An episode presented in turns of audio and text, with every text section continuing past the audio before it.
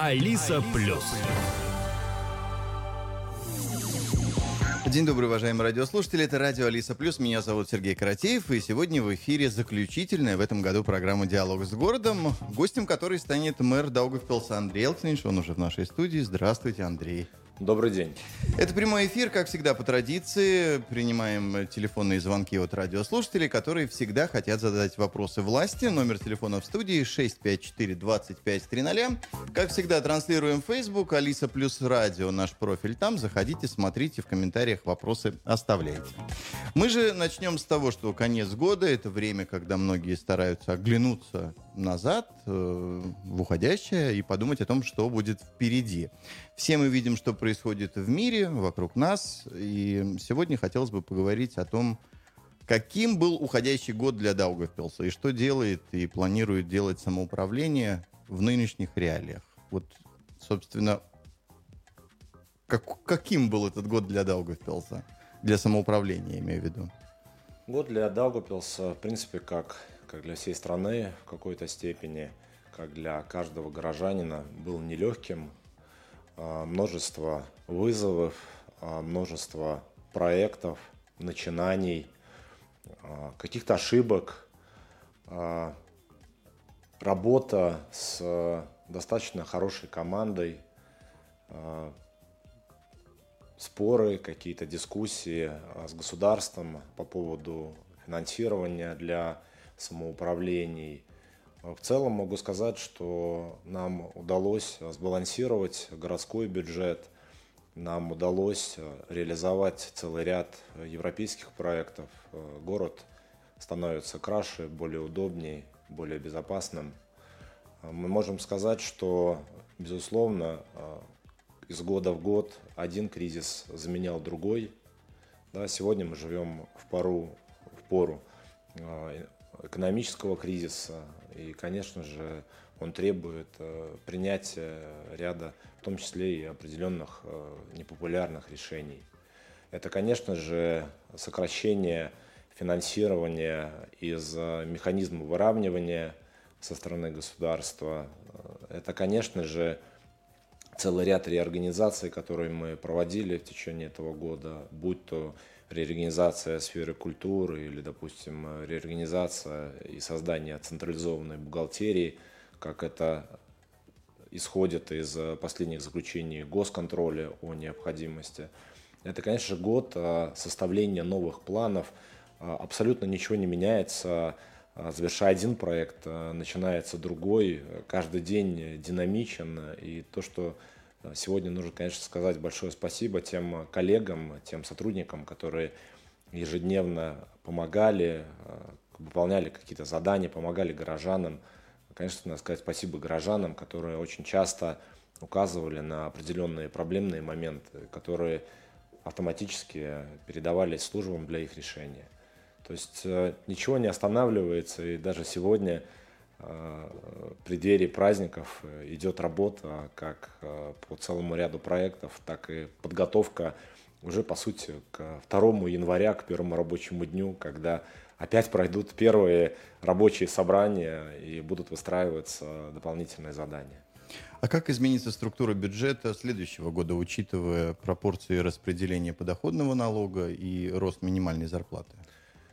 Мы живем исходя из того финансирования и тех э, цифр, которые нам выдает э, государство, принимая государственный бюджет.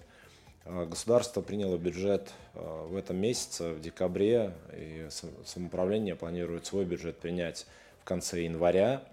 По закону бюджет самоуправления принимается в течение двух месяцев после принятия государственного бюджета цифры, которые э, выдало государство всем городам, особенно городам Латгалии, указывают на определенные риски в выполнении в том числе и автономных функций, которые переданы самоуправлению. Безусловно, сегодня работает э, целый, э, ну, назовем так, отдел специалистов, которые рассматривают нужды учреждений, разного рода проекты. Э, понятно, что одни э, станут приоритетными, от других нам придется отказаться. Достаточно очевидно, что финансирование как говорю, из механизма выравнивания самоуправлений для Даугупилса и для остальных регионных самоуправлений в большей степени сокращается. Исходя из этого, надо откровенно сказать, что часть социальной поддержки, которая у нас выстраивается в городе, будь то Э, проезд в общественном транспорте или э, питание бесплатное в школах э, или разного рода программы, они выстраиваются на финансировании, которое мы получаем из данного механизма. И в следующем году уже с января начнется достаточно тяжелая работа с Министерством финансов по, скажем так, более благоприятного финансирования для, для городов так как неравноправие, которое на сегодняшний момент создается между, э, назовем так, э, Пририжьем и всеми остальными регионами, достаточно очевидно. Вся экономика страны, к сожалению, построена по принципу головастика, когда все концентрируется в одном месте, и регионы в определенной степени финансируются по остаточному принципу. И, конечно же, уже в декларации правительства указано на следующий год разработать новый механизм выравнивания, для того, чтобы э, все-таки а, сокращать уровень, э, уровень вот этого разности между, между регионами. Безусловно, проблема Латгалии – это самый высокий уровень безработицы в Латвии, это низкая средняя заработная плата. Я бы сказал, что низкая средняя заработная плата является самой большой проблемой Э, исходя из этого, конечно же, с 1 января поднимается минимальная заработная плата, самоуправление вынуждено индексировать не только минимальную заработную плату, но и заработную плату всех остальных последующих профессий, которые следуют за данным повышением. Год будет э, сложный, но я думаю, что мы справимся. Может быть, как-то можем по, пройти по структурам, да, и понять, э, какие новшества нас ждут, э, кого, что сократится, что увеличится, что в приоритете, кон, какие-то по конкретным сферам, может быть, можем пройти, или рано еще об этом говорить? На сегодняшний момент можно сказать, что то, что мы сделали заранее и заблаговременно, и на что э, указал, допустим, госконтроль, допустим, в случае Резакна, это Э, отсутствие централизованной бухгалтерии. Э, в Даугавпилсе решение о необходимости создания централизованной бухгалтерии принято еще летом этого года. Централизованная бухгалтерия начинает работать в Даугавпилсе с 1 января. Что это означает? Это означает, что э, бухгалтера не будут находиться и не будут работать именно в подчинении какой-то отдельной структуры, а будут находиться в, одном, в одной структуре. Все документы, номенклатура, счета, деньги – а, перечисления, а, принципы а, заработной платы, они будут абсолютно едины для всех. И здесь важно для того, чтобы работа в рамках данной структуры была бы а. прозрачна, и б. мы идем на выравнивание заработной платы среди сотрудников, потому что ну, при, при, при, при том, что бухгалтер в одном учреждении получал, допустим, в два раза меньше, чем бухгалтер в другом учреждении, а, а объем работы был абсолютно одинаковый, но в данном, конечно же, э, оснований нет никаких. Да, конечно же, мы, эффективизируя управление в определенной степени, конечно же, идет э, речь э, части о, о, скажем так, оптимизации функций, о сокращении, как я говорю, бюрократического аппарата, легче жителям и намного проще э, быстро созвониться, быстро списаться и решить эту проблему, чем месяц думать, как писать письменные ответы и ее не решать. А, безусловно, а, изменения, которые уже сейчас работают и которые мы тоже провели в этом году заранее, это изменение сферы культуры, когда а, было ликвидировано и создано на базе управления культуры ТИЦа, э, все вместе объединено в Дом единства, вместо трех начальников э, сегодня, назовем так, один, и вся культура, сфера города, начиная от планирования матери... Э, мероприятий, от планирования единого календаря, для того, чтобы одновременно в разных углах города не было бы дублирующихся мероприятий, чтобы выстраивались бы приоритеты. Сегодня это дает о себе уже знать, допустим, по всем мероприятиям, которые запланированы э, на Рождество, Новый год в Даугупилсе. То есть сегодня можно сказать, что э, реформа э, прошла успешно, потому что город действительно признается как местом для посещения туристов как со всего региона Латгалии, Латвии, так и, в принципе, со стороны Литвы, когда многие приезжают э, посмотреть, э, начиная от елки, заканчивая одновременно посещение инженерного арсенала или, или ЗИНа, или, или, или Ротко-центра. И именно в данном направлении мы идем, чтобы создавать в городе эффективные кластеры. Да, в определенной степени отсутствие финансирования сегодня заставляет идти в завершение проектов, а не, а не выстраивание чего-то нового. И завершение, конечно же, у нас достаточно локальные. То есть, ну, простой пример, крепость, допустим. Сегодня есть целый комплекс. Ротка, дом Мартинсона, валы, а, инженерный арсенал. Сегодня у нас заявлен дополнительно на европейское финансирование центральный парк, который находится в крепости. То есть будет целый большой кластер. Кластер большой с точки зрения посещения, развития, допустим, эспланада. Зина завершено, открыто для, для детей, всех желающих. Рядом зоопарк. Сейчас идет приемка э, в стройуправлении Э, Балатария э, для, для посещения. Помимо этого у нас задумка расширить детскую площадку на Эспланаде. Вопрос, появится данная или детская площадка, будет зависеть, конечно, от возможности бюджета следующего года. Но тогда появляется как центр притяжения.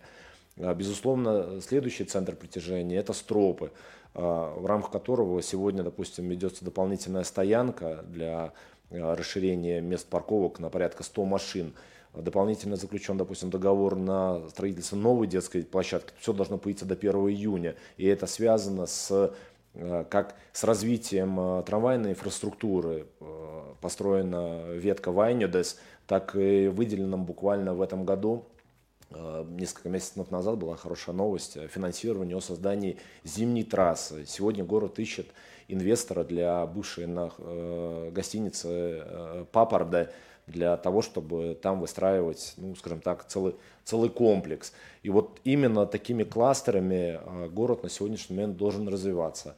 Да, у нас а, есть а, подготовлен целый ряд проектной документации по многим проектам, но их финансирование будет зависеть от участия и позитивных решений в проектных конкурсах. То есть, ну, допустим, у нас на руках есть проект нового тира по улице Стациес – мы заявляли его бюджет 2024 года, государственный бюджет. К сожалению, это не прошло. А, у нас на сегодняшний момент есть проектная документация в собственности Мэштемс. Мы также его заявляли на, на, на проект. У государства сегодня приоритеты, скажем так, другие, э, тоже не был поддержан. А, у нас сегодня готов проект э, по продлению путепровода э, с Милшу Кандавас. На сегодняшний момент мы ждем начало экспертизы всех проектов Латвии со стороны Минсообщения для того, чтобы заявить э, данный проект э, как ну, завершаю, завершающий этап. И вот так шаг за шагом мы как балансируем бюджет, так, в принципе, и принимаем решение на заседании Думы об определении приоритетов. Бюджет города ничем не отличается от бюджета любой семьи в Даугавпилсе есть доходная часть, есть, есть расходная часть. И, конечно же, у нас, а, приоритет – это сократить расходную часть.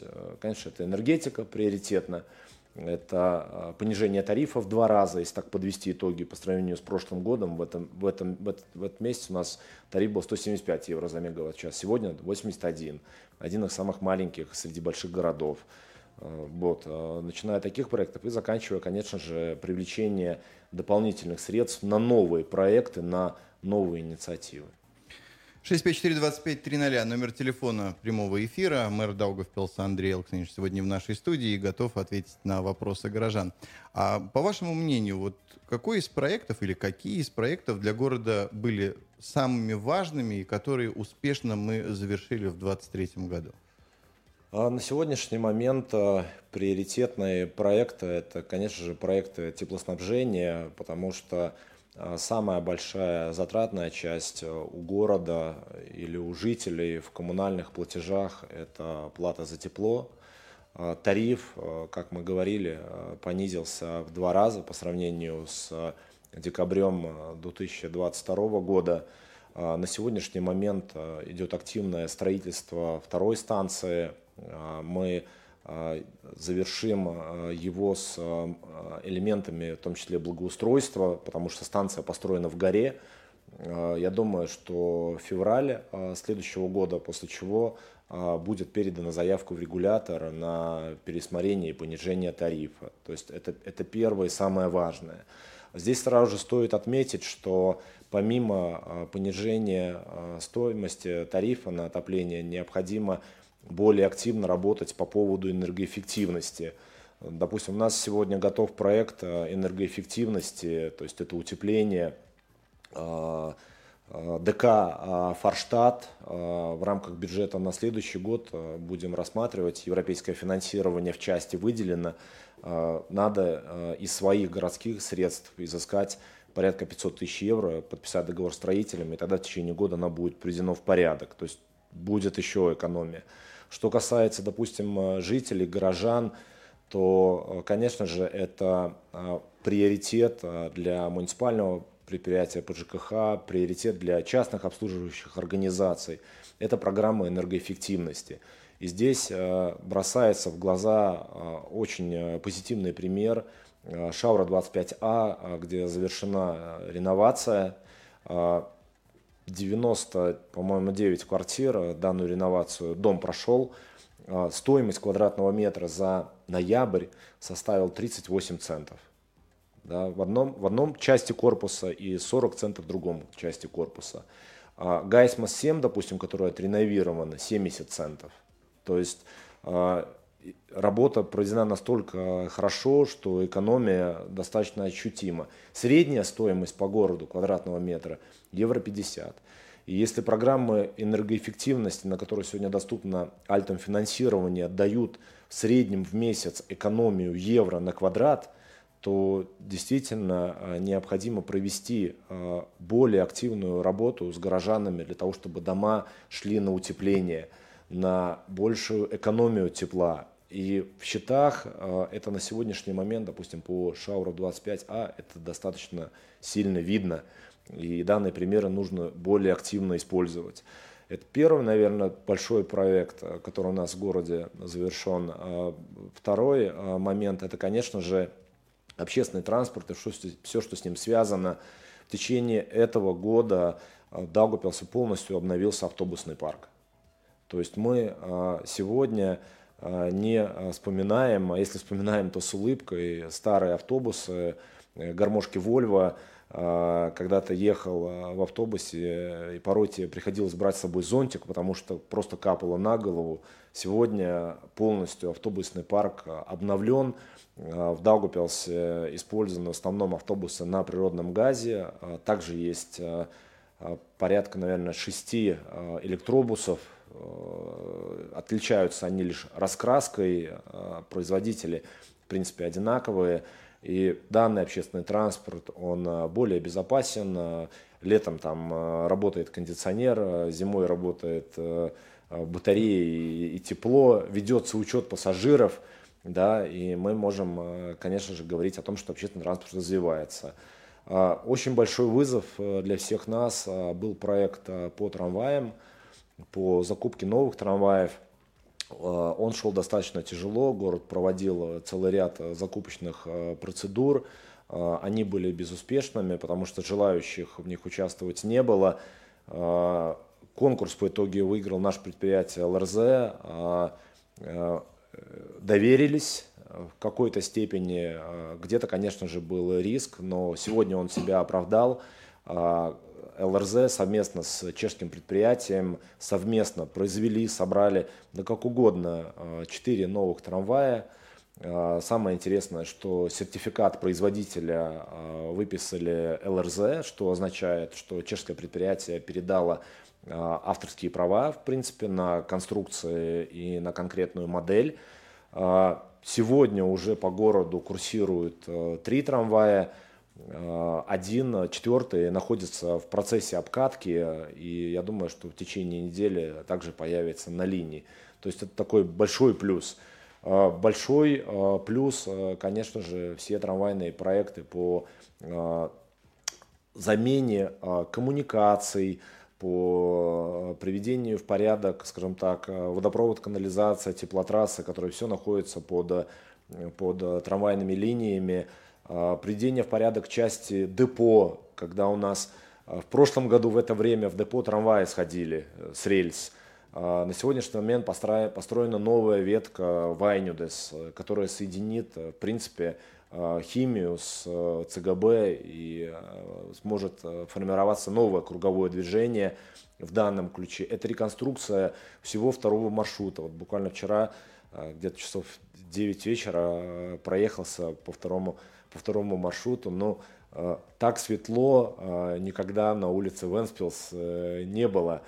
Э, конечно же, часть работ э, по данным проектам э, будет завершена весной, потому что вторая часть асфальта будет весной, травка будет засеяна весной, то есть благоустройство будет весной. Но как факт город Даугупилс – а, первый из а, больших городов, это Лепа и Рига, а, стопроцентно освоил все европейское финансирование в этом году, будь то автобусы, трамваи, с трамваями связанная инфраструктура или ТЭЦ-2, которая строится новая на Чипе. Это сам, самые большие инфраструктурные достижения, самые большие вложения за последние ну, трамвайную инфраструктуру с момента ее создания за последние, наверное, 50 лет. Мы меняли коллекторы 60-х годов, а, автобусную инфраструктуру за последние ну, 20 лет, а, наверное, если я не ошибаюсь. То есть последний раз покупали солярисы. Э, вот. Поэтому можно сказать, что все завершилось достаточно успешно, и по всем данным проектам у города есть э, позитивное заключение от э, надзирающих служб, это ЦФЛА о том, что финансирование в Даугупилсе освоено прозрачно, а, проекты а, в части его использования завершены а, удачно с отмечу отложенными работами, которые будут завершены весной. То есть там, где три недели назад был нервоз такой, успеем или не успеем, успели? Успели. Есть по части работ по Вайнюде, сразу же скажу, что трамвай по Вайнюдес, я думаю, будет запущен э, где-то в середине января, потому что происходит определенная дефектация, то есть должны проверить от А до Я, как что. А, более тяжелый проект э, – это второй маршрут, потому что он был самым большим, самым большим риском. А, риск в том, что э, по итогам закупки предприятие, строитель, который был выбран, был выбран по самой низкой цене. Следующее предложение более дорогого было на 4 миллиона дороже. А, у города не было дополнительно 4 миллионов. Мы выбрали самую низкую цену, и поэтому а, был определенной степень, степени нервозность, а, сможет ли данное предприятие с, ну, назовем так, с меньшим опытом в такого рода работах данный проект завершить благополучно. Эксперимент, ну, тестовые заезды по Вайнюдус уже были, тестовые заезды по по второму, четвертому маршруту начнутся а, в январе. Э, конечно же, можно сказать, что э, будет, э, будут составлены акты в определенной степени дефектации для приведения порядка. То есть все должно быть хорошо ближе к весне, когда уже данная территория благоустроится и когда взору, взгляду откроется уже приведенный в порядок микрорайон. Уже достаточно давно слушатель ожидает своего выхода в эфир. Э, добрый день, здравствуйте. Добрый день. Пожалуйста, ваш вопрос. Хочу начать с насущных проблем. Вот я живу долго в городе, и вот у нас нету ответственного лица за уборку, за чистку, за обслуживание городских улиц, городских дорог. Постоянно, вот я домой мне доехать, сворачиваю с улицы Каунас на улицу Ужвалдус до улицы Тукума там такая дорога ужасная. Ну, на первой передаче едешь, ну, километр в час, и вся ходовая трещит. Налоги плачу 200 евро за машину каждый год. Почему вот у нас такое в городе творится? Сразу же начнем с налогов. Ни одна копейка из ваших налогов не идет в, государство, в городской бюджет. Начнем с этого, но это не означает, что дороги в городе должны быть э, не приведены в порядок. Но запишем ваш контакт, вам я думаю, через минут 30 руководитель управления коммунального хозяйства перезвонит и уточнит детально. 654-2530, номер телефона прямого эфира. Мэр Даугавпилс Андрей Алксневич сегодня в нашей студии. Непродолжительное время, так что приглашаю наших радиослушателей формулировать вопросы и задавать их в эфире. Э, Все-таки о транспорте еще немного, о повышении стоимости проезда в общественном транспорте. Проект отправлен на доработку. Какое ваше отношение к этому вопросу? Мое отношение достаточно простое. На сегодняшний момент э, видно, что сумма дотации со стороны города на общественный транспорт, э, если мы сравниваем в 2022 году, это было 6 миллионов евро. Это дотация, э, которая из бюджета отправляется туда. В 2023 году, в этом году это было 8 миллионов евро. Daugavpils satiksme заявила дополнительную дотацию на следующий год в размере 10 миллионов евро. Достаточно логично, что на сегодняшний момент, э, до того, как Daugavpils satiksme ответственные не предоставят э, все экономические раскладки, что, зачем и почему, э, об эффективности маршрутной сетки, об эффективности, скажем так, принципов дикставы и доплат, пока данный вопрос не будет детально представлен, то никакого основания дискутировать о повышении стоимости общественного транспорта нет. И именно такого рода поручения были даны и моим коллегам-заместителям, и председателю хозяйственного комитета, который э, последние э, две недели э, созывает комитеты для того, чтобы разобрать детально именно затратные позиции. То, как факт, со стороны бюджета достаточно ненормальная ситуация, что город а, вкладывает, а, вкладывает а, деньги на обновление. Достаточно логично, что новый транспорт должен быть более дешевле, то есть э, должна быть экономия на ремонтной части, это раз. Я соглашусь, э, конечно, с аргументами, что экономия сегодня на э, топливо она минимальна, потому что стоимость природного газа ранее была 12 евро за мегаватт-час, сегодня составляет порядка 40 евро за мегаватт-час, но и данного рода раскладки должны быть. И, конечно же, надо дискутировать о стоимости проезда совместно с транспортной сеткой города. Потому что э, волонтарно э, принимать решение о том, что мы повысим и остальное нас э, не волнует, и за счет этого мы получим какие-то деньги на предприятие, оснований нет. Но и город, и бюджет городской тоже не резиновый. А, если у нас э, идет общая тенденция по сокращению денег из фонда выравнивания, а фонд выравнивания это назовем так, что мы живем в долг в определенной степени, и ряд социальной поддержки у нас финансируется как раз-таки из фонда выравнивания, и логично, что если сокращается данная позиция из фонда выравнивания, то мы должны более тщательно э, проверять э, свои траты. У Daugavpils мы достаточно много заданий на сегодняшний момент, чтобы все это предоставить, объяснить, рассказать, и тогда одновременно с э, бюджетом города будет приниматься решение по размеру дотации, исходя из которой будет, э, в принципе, и, и вытекать э, решение о стоимости проезда в общественном транспорте. Следующий вопрос из эфира. Алло. Здравствуйте, пожалуйста. Здравствуйте, здравствуйте. А я хочу поздравить нашего мэра и команду нашей Думы Огромное вам спасибо за вашу помощь. Э, вы очень умный, грамотный э, молодой человек. Спасибо вам большое. И хочу пожелать мира, спокойствия, бед, чтобы не было совсем. И Бог хранит от всех проблем. И с наступающим Новым годом проблемным. И э, здоровья и всех-всех благ. Спасибо вам огромное. Спасибо большое. 654-2530, номер телефона в студии. Приглашаю наших радиослушателей звонить, задавать вопросы. Пожалуйста, ваш вопрос. Э, добрый день. Здравствуйте. А, хотела бы задать вопрос по поводу питания в школах. Задайте. Я, в принципе, полностью согласна, что теперь софинансирование идет родителей.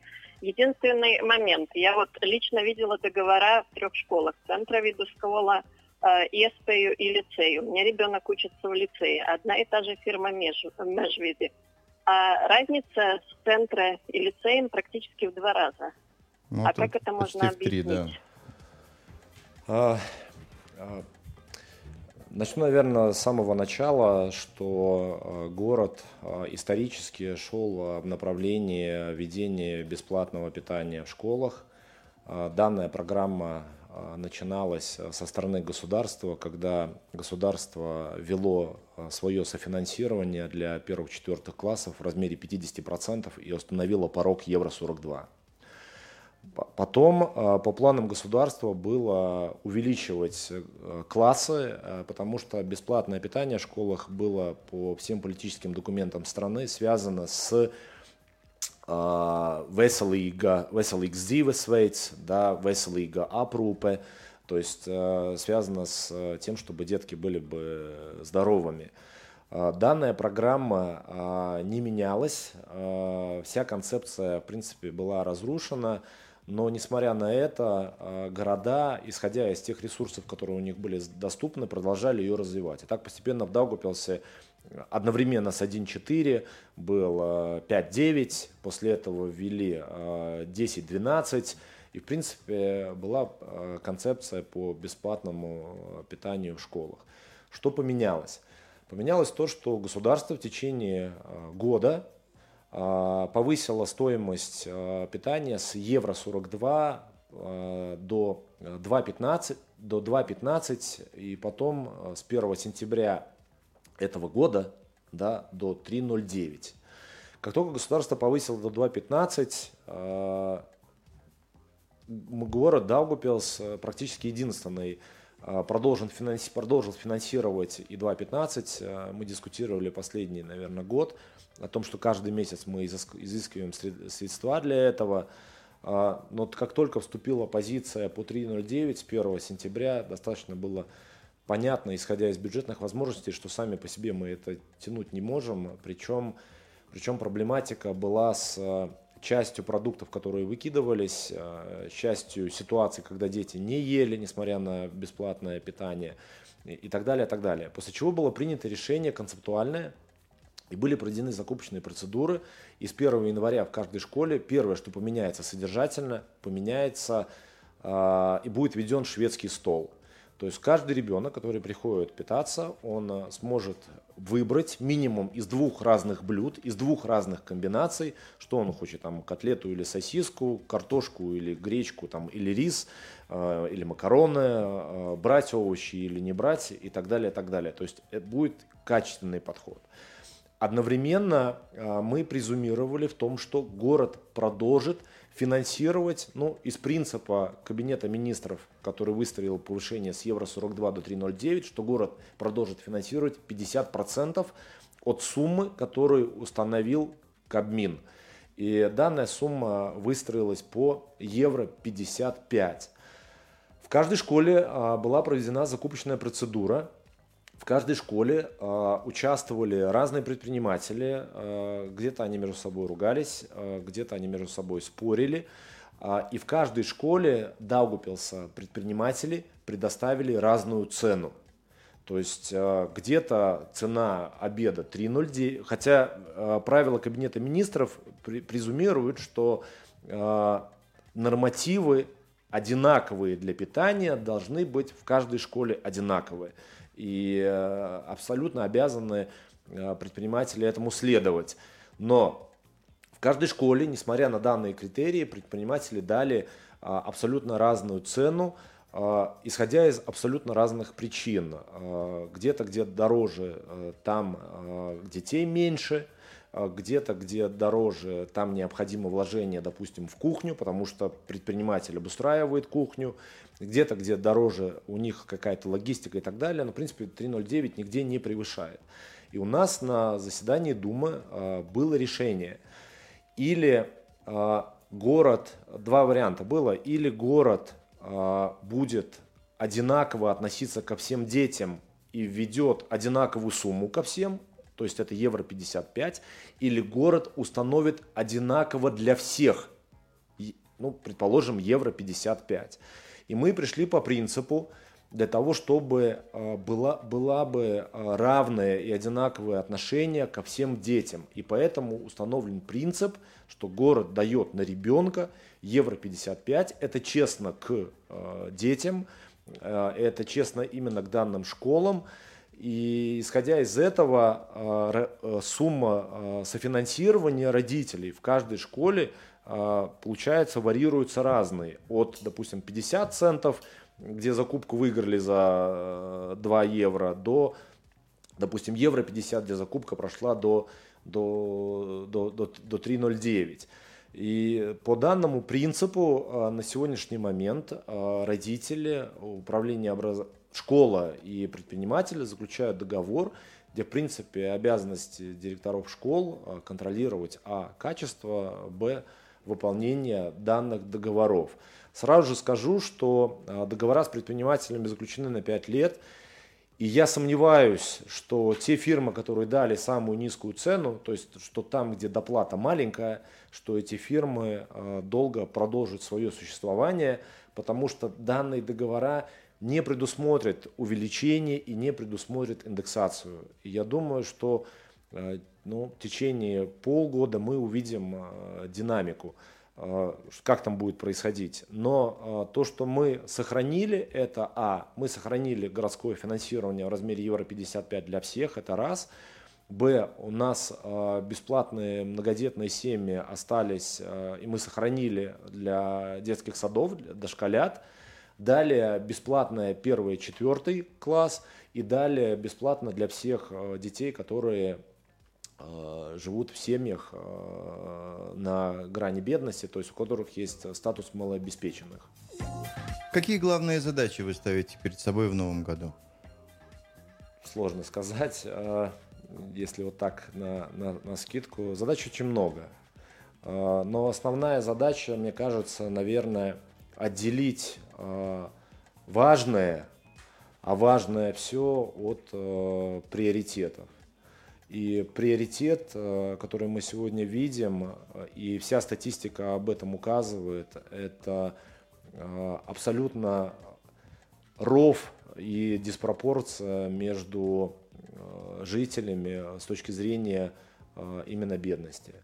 И основной приоритет у нас это, конечно же, социальная поддержка с точки зрения поддержать те семьи, тех людей, которым нужна поддержка. Это первый момент. Второй момент. Невозможно э, подход к социальной поддержке без одновременного рассматривания позиций по созданию новых рабочих мест. То есть чем больше будет новых рабочих мест, чем выше будет средняя заработная плата, тем меньше, соответственная нагрузка на социальный бюджет. И здесь, конечно же, стоит отметить новую страницу в развитии нашего города. А, мы а, доказали, э, выиграли, победили в конкурсе на проекты по строительству индустриальных парков и на э, Даугупилсу принадлежащей территории бывшего аэропорта в Лоциках, это Даугупилская территория. Город получил финансирование европейское на строительство нового индустриального парка. Этот парк будет единственный в Латгалии. Мы получили, общая стоимость проекта будет чуть более 20 миллионов евро мы будем строить новые производственные помещения для инвесторов, для создания новых рабочих мест. Повторюсь, это будет единственный парк в Латгалии. Это будет самый крупный индустриальный парк в Латвии, э, исходя из последних э, конкурсов, потому что мы будем строить порядка 11 тысяч квадратных метров, тогда, когда вся Латвия и все остальные по другим городам Лепа, будь то Венспилс или, или, или, или Валмера, э, количество квадратных метров варьируется на 5000 квадратов. И это новая история, потому что центр Латгалии, э, центр развития Латгалии, центром развития Латгалии в данном ключе становится Даугупилс. Э, данный проект, у нас уже объявлены закупочные процедуры, строительство начнется в, этом, в следующем году. Э, срок завершения проекта 25, 25 год. Это, это первый момент. Второй момент – это, конечно же, работа с э, предприятиями, это работа с предпринимателями, это работа с инвесторами. У нас очень активно развивается IT-сфера, IT-инженерия. У нас создан на сегодняшний момент целый кластер предприятий, которые в данном ключе работают. Э, это Пульсар, который за последние полтора года создал более 200 рабочих мест в Даугупилсе. Это а, регула, которая по а, Менделеева а, вышки построила, реконструировала новое здание. Это, конечно же, СМД, Балтик. Это, конечно же, Аксон, который получил в пользование здание по Менделеева 5 и создал там новые рабочие места. Мы сейчас обсуждаем возможность поддержки предприятия Зиглер буквально на Э, на вчерашнем заседании Думы мы поддержали э, проект аукциона на продажу земельного участка, который находится напротив их территории вместе с проектной документацией. Предприятие хочет развиваться, им тесно, им необходима дополнительная инфраструктура. Мы э, буквально вчера посетил, позавчера посетил э, предприятие Nexus Fibers, то есть это когда-то завод химволокна, бывший завод химволокна. Данное предприятие тоже инвестируют э, в свое развитие. И э, там также, э, я думаю, что в ближайшее время территорию, которую самоуправление не использует, будет продана данному предприятию для его, том числе дальнейшего развития. То есть, то есть это самый важный, самый большой спектр. Из дальнейших стратегий это, конечно же, проекты. Развитие города сегодня определяется только в принципе наличием европейского финансирования. Друг, другого, другого финансирования нет. Это, конечно, участие города в целых рядах э, конкурсов для его э, получения. Э, мы сегодня подали документы и готовы для проекта благоустройства. Это парк в крепости, это Авотыню парка, Арбаза приоритетно уже заявлена и готова проектная документация. А, мы будем реализовать в следующем году проект а, Стропы, снежные, тра снежные трассы, но это пойдет все в комплексом а, с развитием Строп. Это, конечно же, вот буквально первые числа января у нас состоятся дополнительные собрания по участию города в, в проектах на умное самоуправление по получению финансирования для а, так называемого проекта Дроша Скола, то есть это турникеты, это системы, скажем так, а, карта горожанина в общественном транспорте.